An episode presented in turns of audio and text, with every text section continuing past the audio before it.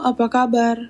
Perkenalkan, saya Gisel dari 12 IPA 2. Pada kesempatan kali ini, saya ingin menyampaikan pesan dan kesan saya dalam pengerjaan portfolio ini. Sebelumnya, saya ingin berterima kasih karena telah datang ke situs portfolio saya. Saya akan memulai dengan kesan yang saya dapatkan selama melakukan pengerjaan portfolio ini. Saya merasa bahwa proses pembuatan portfolio ini adalah proses yang menyenangkan dan membuat saya bisa belajar tentang banyak hal.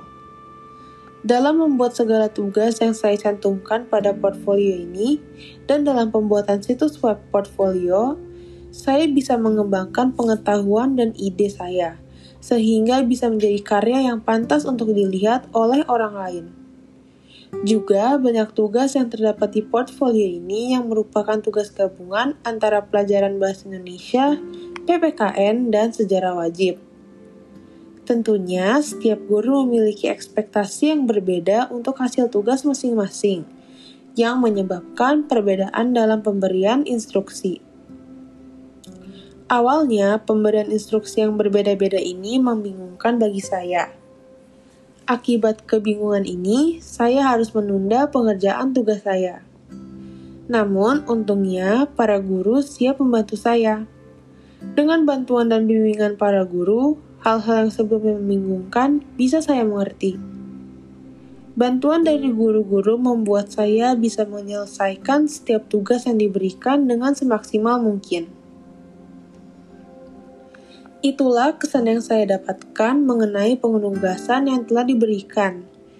Sekarang, saya akan menyampaikan pesan yang pesan setelah mengerjakan tugas-tugas tersebut. Saya berharap kalau ketentuan tugas ditulis dengan lebih jelas lagi agar murid bisa mengerjakan dengan sesuai ketentuan guru. Hal ini saya katakan agar di masa depan murid bisa mengerjakan tugas dengan lebih baik lagi mereka tidak perlu untuk bertanya mengenai banyak hal dan bisa mengerjakan tugas tanpa menunda.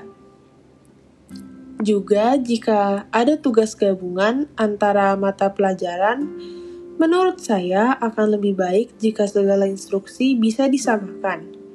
Atau jika memang harus berbeda, semua instruksi bisa disampaikan dengan sejelas-jelasnya supaya murid tidak salah mengartikan. Dengan demikian, murid bisa mengerjakan tugas dengan lebih tepat dan sesuai. Itulah pesan dan kesan dari saya. Saya memohon maaf jika terdapat kesalahan kata maupun kata-kata yang tidak mengenakan dari saya.